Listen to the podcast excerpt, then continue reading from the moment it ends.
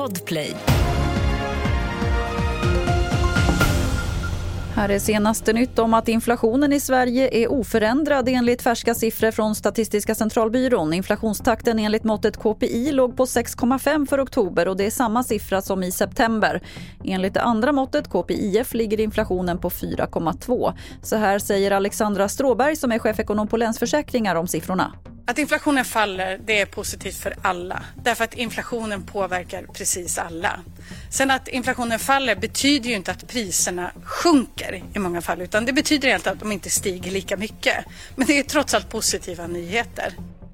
En kvinna har avlidit efter en brand i ett flerbostadshus i Hägersten i södra Stockholm i natt. Hon togs ur lägenheten av rökdykare och fördes till sjukhus men klarade sig inte.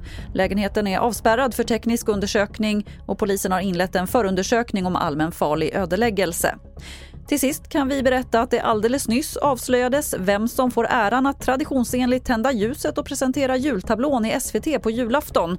Och det blev ingen mindre än komikern, programledaren och skådespelaren David Batra. Fler nyheter finns på tv4.se. Jag heter Lotta Wall.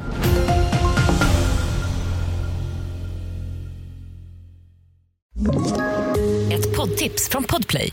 I podden Något Kaiko garanterar östgötarna Brutti och jag, Davva, dig en stor dos skratt.